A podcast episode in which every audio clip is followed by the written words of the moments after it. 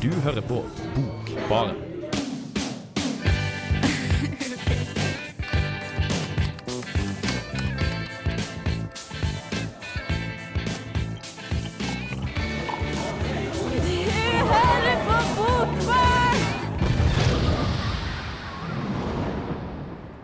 Hei og hjertelig velkommen til dagens sending av Bokbarn. Jeg heter Ingrid Kveim Skarholt og er faktisk det eneste av de vanlige medlemmene som er i studio i dag. Fordi jeg har med meg en gjest, nemlig fra Radio Revolts spillprogram Kontroll Alt Elite. Sondre, hei. Hei. Hei. Du er med i Bokbarn i dag, du. Ja, jeg leser bøker og jeg spiller spill, så det passer. Ja, Så det går fint an å kombinere de to interessene. Mm. Det er bra at man ikke er så ensrett at man kan gjøre litt av hvert. Uh, hva er det du har med til oss i dag, da? I dag har jeg med to bøker som er historisk faksjon. Det er den ene om Alexander den store, den andre om Djingis Khan. Okay. Hvor det er da forfattere som har um, hatt litt kunst, kunstnerisk frihet uh, om historien om disse personene. Så har jeg med meg ei bok uh, av en forfatter som heter Irvin Welsh, som er forfatteren av uh, boka 'Trainspotting'. Som oh, mm, den har jo kanskje mange sett på film, så da er det litt sånn film og bok også i dag, da. Mm.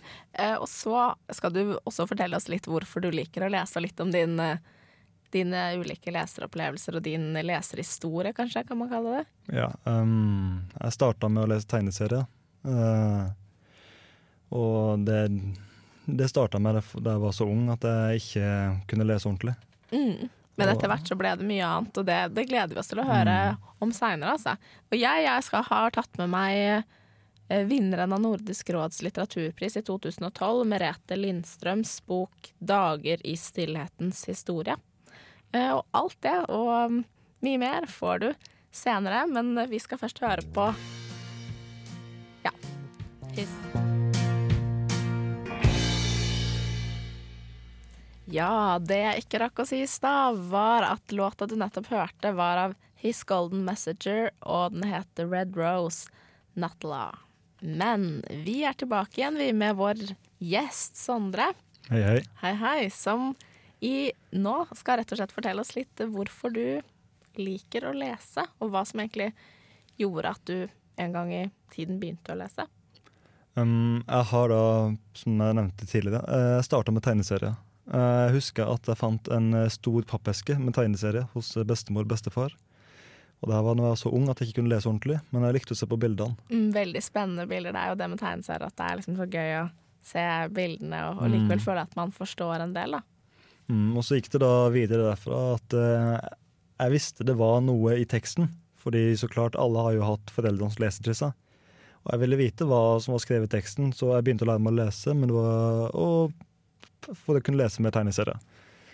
Så um, klart alle som har vært borti barnebøker og sånn, og har blitt lest med foreldrene. Men jeg starta da å lese tegneserier på egen hånd, og det var noe som tok veldig mye av tida mi. eh, Gjennom eh, spesielt barnehage, og så starten av de tidligere årene på barneskolen. Når jeg lærte meg å lese ordentlig, så kom det jo som Jeg skulle bare forvente at foreldrene mine ga meg ordentlige bøker som jeg begynte å lese på. Og um, Husker du den første ordentlige boka du leste, eller? Nei, det gjør jeg ikke. Men jeg husker at um, jeg leste en Donald Puckert som var original. Uh, som kom ut i ja, en av de første Donald Puckene som kom ut i Norge. Oh, ja. Det, husker du hva den handla om, eller? Uh, nei, men uh, når jeg ser, åpner Donald-bladet nå, så tar det liksom tre-fire sider før jeg husker hele bladet. Mm, ja, for du kjenner det så godt. Har du det sånn med noen av bøkene du har lest også? At du liksom har lest dem så mange ganger at du bare kjenner igjen Kjenner igjen eh, måte ordene, setning nesten faller ned i hodet på deg? Ja, Etter hvert som jeg ble eldre, så fikk jeg flere bøker av foreldre og, foreldre og venner og eh, onkler og tanter og familievenner som ville, de ville jeg skulle lese. En bok jeg husker spesielt godt, er 'Greven av Monte Cristo'. Mm. Um, den har jeg lest uh, kjempemange ganger igjen og igjen og igjen. Og igjen Og det er en sånn bok at hvis jeg åpner førstesida og begynner å lese litt nedover, så vet jeg hva som står i resten av kapittelet. Ja. Og Men det er ikke handlingen som gjør at du har lyst til å lese den igjen, det er kanskje andre det er nostalgisk, mest sannsynlig. mm. Men du føler, er det noen bøker du føler at du forstår på en helt annen måte nå enn det du gjorde da du leste dem første gang? Um, Hørtes litt trist ut, men jeg tror ikke jeg har utvikla meg så veldig mye når det kommer til uh, oppfatning av bøker. Fordi um, det blir som å gjøre noe du gjorde da du var liten. Du har den oppfattelsen, og det er sånn oppfattelsen skal være. Så klart, det er barnebøker nå som jeg åpner, men de lukker det igjen med en gang. Fordi ja, for eksempel um, Artemis Fowl er veldig mange som har vært borti, og Skamar-serien, den nynorske bokserien med fire bøker som handler om folk som kan se inn i øynene til andre og få dem til å skamme seg. Ja, det Var det ikke det som var en sånn boksjekk eller noe? Man kunne få en sånn gratis bok en gang? Jo, den fikk jeg da av um, via skolen, Mm. første boka. Og ved det så var det utrolig vanskelig å finne de neste bøkene. Men jeg hadde hele bokserien, og så mista jeg en av de, så skulle jeg gi den videre. Men det var den første boka jeg hadde mista, så da var det ikke noe interesse av de som fikk resten av serien. Nei, det skjønner jeg. Men da kunne de jo lånt den på biblioteket, da, kanskje. Ja. Det husker jeg um, søsteren min i hvert fall gjorde, for hun syntes de var bedre enn Harry Potter og sånn, da. Så syns hun skammer-serien var veldig spennende som et alternativ. mm. Mm. Um, den er jo skrevet på nynorsk, og jeg liker å le lese nynorsk, men jeg liker ikke å skrive nynorsk. OK, men du liker å lese. Hvorfor liker du det og ikke å skrive det, da? Nei, fordi jeg kan lese det. Du kan lese. det. Jeg kan ikke skrive det. Du føler ikke at du lærer litt av det av å, av å lese det, da? At du utvikler språket ditt litt? Det tror jeg faktisk ikke, fordi jeg har lest veldig mye, men eh, når jeg skriver, så skriver jeg på min måte uansett. Jeg skriver slik at det høres bra ut for meg. Jeg bryr meg ikke veldig mye om at det skal høres bra ut for andre. Og, um, men jeg kan fortelle én ting til. Eh, Da jeg var i 7. klasse, hadde jeg nettopp flytta til Tromsø, så um, var egentlig likte jeg ikke forelesningene, eller timene, da. Så Mm. jeg begynte å snike meg vekk fra timene for å gå inn i biblioteket og lese tegneserier. Men uh, på et punkt hadde jeg lest alle tegneseriene i biblioteket. Så jeg satte meg ned i ei sånn krok uh, hvor de hadde Grøsserne, som var den bokserien som jeg begynte å lese på ordentlig av eh, bøker, som jeg bare fulgte gjennom helt. Og um, da hadde de et uh, ganske stort rom som var dekka av bokhyller. Og jeg leste da først nederst i den bøker, og Mm. så i løpet av et helt uh, skoleår leste jeg da ja, kanskje um, seks meter med bøker, og så starta jeg på raden over. og vet ikke hvor langt jeg kom på den. Jeg mener jeg kom over halvveis. Men det her er i løpet av et helt år, og det var veldig mye sånn um, lettleste bøker for um, barn og unge. Mm. Men jeg gleder meg veldig til å høre etter hvert hva som kommer, eh, hva du begynte å lese etter hvert, ja, og se hvor det endte dette her. For du begynte i hvert fall med mye, mye spennende. Eh, og det begynner også med at man bare utforsker biblioteket. Dette, der tror jeg mange har begynt, og finner mange skatter. Men vi, vi skal lytte til, eh, før det, så skal vi lytte til The Shouting Matches med Heaven Knows. Hi, I'm David Van, Radio Revolt, Trondheim. Hei, og velkommen tilbake til Bokbarn. Vi har akkurat snakket med Sondre om hvordan han begynte å lese, og vi stoppet vel opp der sist ved at du snakket om eh, at du gikk videre, at du fant eh, en hylle på, i biblioteket hvor du bare bladde deg videre bok etter bok etter bok. Ja, det mm, viste meg da, for da leste jeg veldig mye forskjellige bøker. Og til og med i 7. klasse så merker du sjøl hva du liker, hva du ikke liker. Jeg fant ut da, og det, at jeg liker ting som kan ha skjedd, eller ting som har skjedd.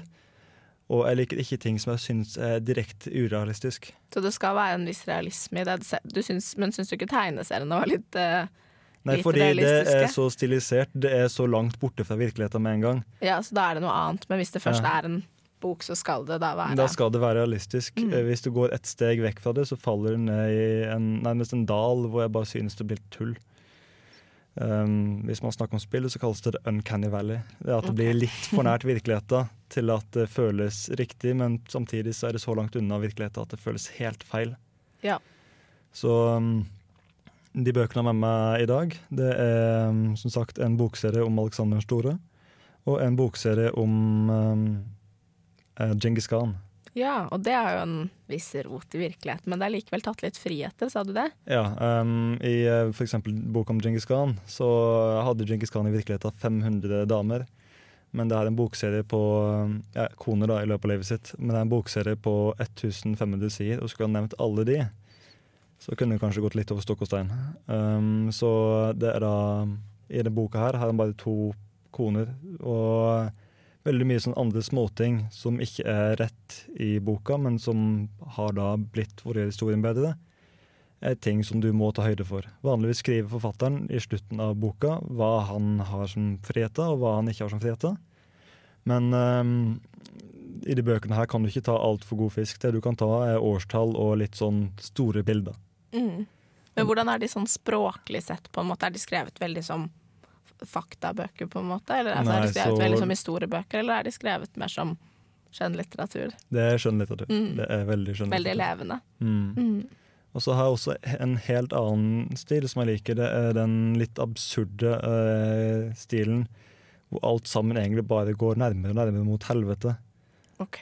Uh, 'Trainspotting' av han Irvin Welch har jeg lest, som jeg syns er veldig interessant. Og så er det flere sånn andre bøker.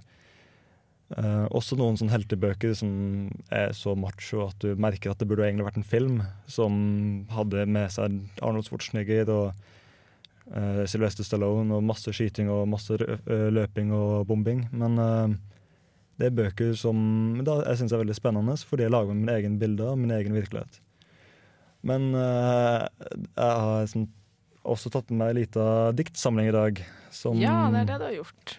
En sveitsk diktsamling som eh, han Erlend Lo fant i eh, en bokhandel og har oversatt. da. OK, så spennende, da. Så det, men hva er det med Erlend Lo som du liker, da? Sånn litt Um, det er ikke det at han Erlend Lo har skrevet det. Jeg hadde lest 'Tatt av kvinnen'. Eh, jeg var ikke kjempefornøyd, men jeg liker den uh, i um, Jeg liker noe Nei, det er det, det var en annen person jeg tenkte på. Bare glem det. Glem det, OK. Ja. Men Jeg har eh, ikke noe for, spesielt forhold til en Erlend Lo. Lo, men du har forhold til den diktsamlingen her, da? Ja, Den fikk jeg av Mm. mamma, og den heter 'Samor'. OK. Så det er noe Var det noe hun hadde lyst til å lære deg, tror du? Uh, nei, fordi det er også en annen bok i den her som heter 'Sa terapeuten min'. Okay. Og det er masse små dikt som er så på trynet at uh, det gir bare ikke mening. Jeg kan lese et her som heter 'Min døde gullfisk'. Spent. Ja, Um, Hold pusten. Jeg ønsket en alligator min kjæledyr, men foreldrene mine ga meg en gullfisk. Da den døde, skylte min mor den ned i toalettet. Hun sa en katt kom til å grave den opp og spise den hvis vi begravde den i bakgården. Jeg var veldig sint på min far da han gikk på do ti minutter etter begravelsen. Han hadde ingen respekt for den døde.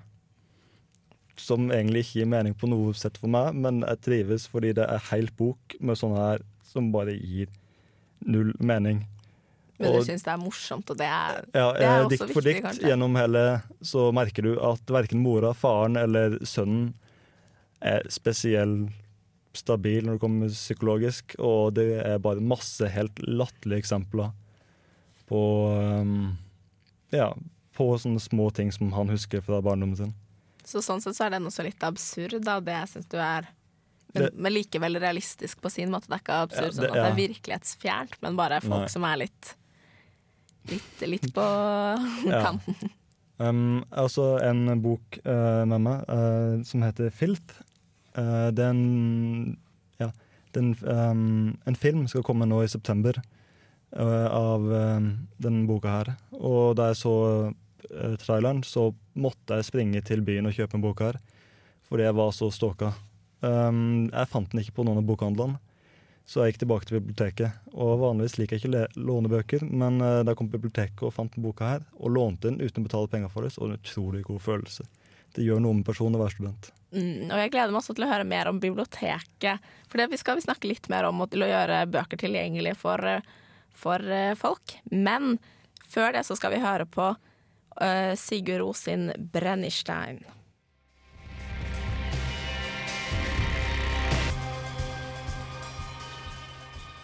Ja, jeg heter Dag Solstad, og dere hører nå på Bokbaren, og der er altså jeg. Ja, hei og velkommen tilbake til Bokbaren. Da har Sondre vært på banen en eh, liten stund, men nå er det faktisk min tur til å ha med noe. Og jeg i dag, som jeg sa i åpningen, så sa jeg at, eh, vi, at jeg skulle snakke om eh, vinneren av Nordisk råds litteraturpris i 2012, nemlig eh, romanen 'Dager i stillhetens historie' av Merete Lindstrøm. Og det er en, en forfatter som i utgangspunktet har skrevet mye noveller, men eh, nå har hun i hvert fall bevist med denne boka at hun kan eh, skrive lengre tekster også. Og det er en utrolig flott bok, som eh, virkelig har gjort at jeg har fått sansen for Merete Lindstrøm. Og som man hører på tittelen 'Dager i stillhetens historie', så handler det mye om å holde fortiden skjult for eh, andre, og kanskje prøve å glemme den, men fortiden har, er der fremdeles, selv om du prøver å legge lokk på den. Eh, og det får dere høre mer om i anmeldelsen min, men eh, før det så skal vi høre på Dråpes 'Memories'.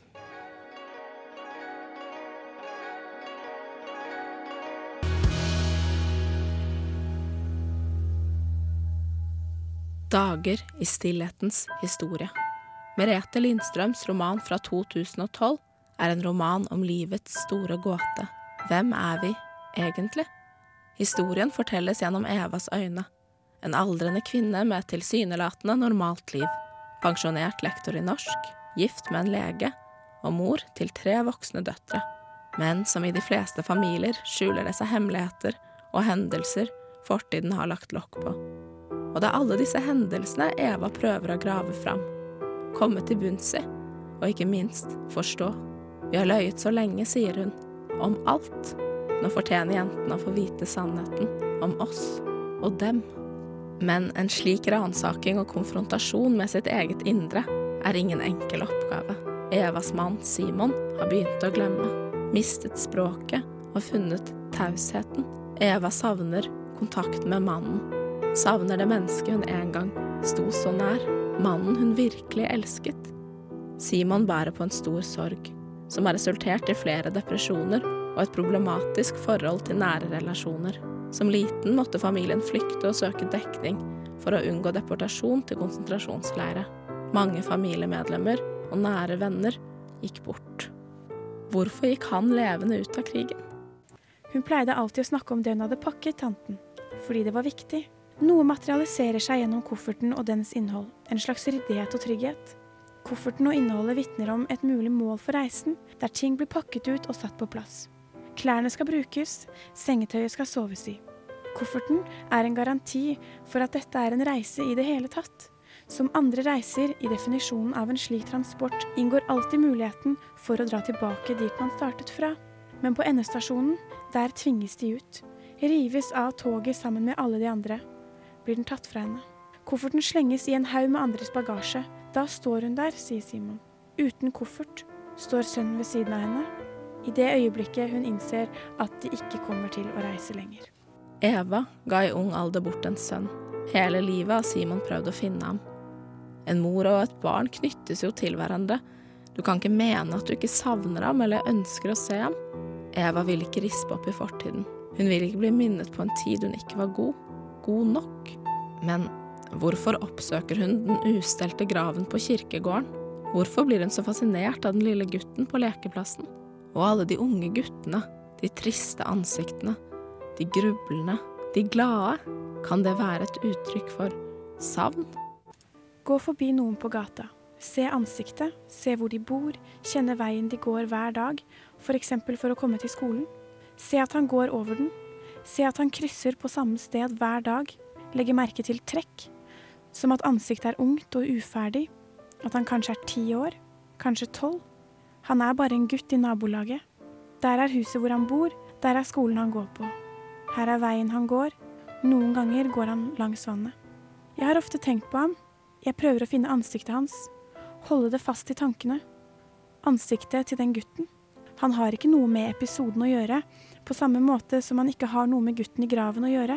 Men likevel har det fått en sammenheng når jeg tenker på det, som om skikkelsene deres er lagt over hverandre. Og igjen tenker jeg på et fotografi. Et fotografi som er feileksponert og viser to motiv, som flyter sammen i en tilfeldig forbindelse. Som det man husker, alltid gjør i bevisstheten. Og inn i denne familien kommer Maria. den latviske hushjelpen som alle blir sterkt knyttet til. Som en nær venn. Hva er det med Maria? Hvorfor ble hun plutselig oppsagt? Vil forklaringen på hennes oppsigelse tvinge Eva og Simon til å fortelle deres historie? Til å finne fram fotografier? Til å skrive ferdig brev? Skal de tre ut av rollene sine som mor og far? Og vise hvem de egentlig er? Som mennesker? Lindstrøms roman er sjeldent vakker og gripende. Språket er poetisk, spørrende og prøvende, og illustrerer godt Evas balanse mellom kjærligheten til ektemannen og døtrene, og angeren for alt det tilbakestengte og vanskelige hun gjerne ville delt før. Men kanskje er det ikke for sent. Kanskje er akkurat ønsket om en feilfri avslutning på livet, uten noe annet håp enn tilgivelse, et tegn på livets største kraft kjærlighet. Ja, da var det anmeldelsen min av Merete Lindstrøms roman 'Dager i stillhetens historie'. Og det var en utrolig vakker roman. Eh, men det som denne romanen annet handler om, er jo det å ta et oppgjør med utfordringene man møter i hverdagen, eller med den utfordringen å forstå seg selv, da. Og gå tilbake i fortiden og prøve å skjønne hvem man er, og prøve å forstå hva man har gjort tidligere. Eh, og konfrontere både seg selv og andre med, med det, da. Eh, kan du kjenne deg litt igjen i det, Sondre? At man prøver syns, Er du fan av det at man skal snakke om ting, eller skal man la det ligge under eh, overflaten og ulme? Vel, jeg har kanskje sagt det før, men jeg var i hvert fall veldig redd for mye da jeg var liten. Så alt jeg syntes var skummelt, tok jeg på et eller annet tidspunkt og tenkte nei, satan ta, jeg skal ta og utfordre det her. Og for eksempel, jeg turte ikke snakke med jenta før, så derfor begynte jeg å snakke med jenta hele tida. Og det var så kleint og jævlig. Jeg har ikke hatt så, vondt i magen på, så mye vondt i magen på et halvt år, men du kom fort over det. Og alle ting som ligger og gnager på deg fordi du mistrives, det synes jeg da man skal prøve å få ut med en gang. For det er jo ikke sånn at det forsvinner, den angsten forsvinner jo ikke selv om du prøver å unngå den, så blir den jo kanskje bare enda verre, for den bygger seg jo veldig opp. Mm. Og da synes jeg at ting du personlig i hverdagen har problemer med, det burde du bare ta og sprenge ut med en gang. Fordi det gjør ingen nytte. Med mindre det er ting som vil gå hardt ut av en annen person. Mm, og det, det, kan det jo være. Sånn som i denne romanen, så er det jo på sett og vis det. Og det er, derfor er det jo også vanskeligere å, å ta det oppgjøret. Men, men, likevel så vil det på sin måte kanskje være det beste, fordi det, fortiden eh, løper jo ikke fra deg. Den forsvinner aldri. Den har jo fortsatt vært der, da. Så det er viktig å ikke, ikke miste den her Nei, og ikke tro at den har forsvunnet når den faktisk hele tiden er der ved siden av deg. Um, men det som, som uh, Eva, da, karakteren i boka, gjør, da, er jo blant annet at hun prøver nesten å leve sin egen historie gjennom andre tilfeldige personer som hun ser på gata, som hun plutselig innbiller seg at kan være sønnen sin, eller kan være har du noen gang fått den følelsen av at du blir utrolig nysgjerrig på et helt ukjent menneske, og bare vil vite hvem de er, og hva de Altså ikke nødvendigvis sånn tiltrukket, men at du bare blir nysgjerrig på hvem er denne personen som jeg ser på bussen på gata? Hva er det som skjuler seg bak dette ansiktet? Det, det er noen mennesker jeg har Hørtes jævla creepy ut, men som jeg har lagt merke til. jeg skulle si observert, men hørtes hvert fall ja, uh, Som uh, Jeg bare synes alt jeg legger merke til med at de gjør. Ikke fordi jeg legger, tenker øh, veldig mye på personen, eller sånn, men bare fordi at alt jeg ser personen gjør, er ting jeg aldri hadde gjort. Så av og til har jeg bare tenkt den tanken hva hadde skjedd hvis jeg hadde gitt deg kontroll over alt i verden? Bare gi noen all mulig makt og se hva hadde de gjort? Hva hadde de gjort hvis de ikke skulle passe, gjøre alt de kunne for å passe inn? Hva hadde de gjort hvis de øh, bare kunne være seg sjøl 100% for du merker av og til noe skurre, og du har bare lyst til å se hva, hva de kan gjøre. Hva hadde du gjort hvis ingenting stoppa deg? Det er noe som jeg merker igjen og igjen og igjen, som jeg ser ikke kjempeofte, men når jeg ser en person som jeg tenker oi, her er noe som skurrer. Det er jo det at man på en måte kanskje i utgangspunktet er bare nysgjerrig da, på andre mennesker. At det er jo faktisk noe ved oss mennesker. At er, vi er jo på en måte skapt til å kunne omgås andre mennesker og snakke med dem og bli kjent med dem. Og da kan det jo også være en litt sånn spenning ved det at man får aldri muligheten til å bli kjent med denne personen, men det bare likevel så er det et eller annet som gjør at man bare skulle vite hva de ville gjort med verden, eksempel, som du sier. Og, og man tenker jo på at dette er sånn stalker-greie, eh, men Eva i denne romanen her, er jo, har jo en mer sånn drømmende tilnærming til det, og det er ganske flott beskrevet, faktisk. men eh, vi skal høre mer om bøker og deg senere, vi, Sondre, om eh, fordi det er viktig at sånn som den romanen har et flott budskap som det er viktig at mange får høre, og det tror jeg også med andre bøker at de har mye å by på, og derfor skal vi snakke litt om tilgjengeligheten til litteratur etterpå. Men vi skal først høre på Alfred Hall sin låt 'Lose That Gun'.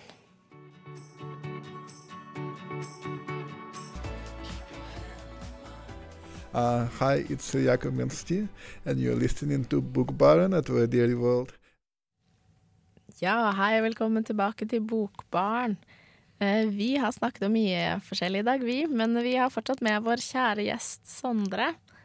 Og vi skal snakke litt om det. Du ble jo veldig glad i biblioteket i ung alder, eh, Sondre.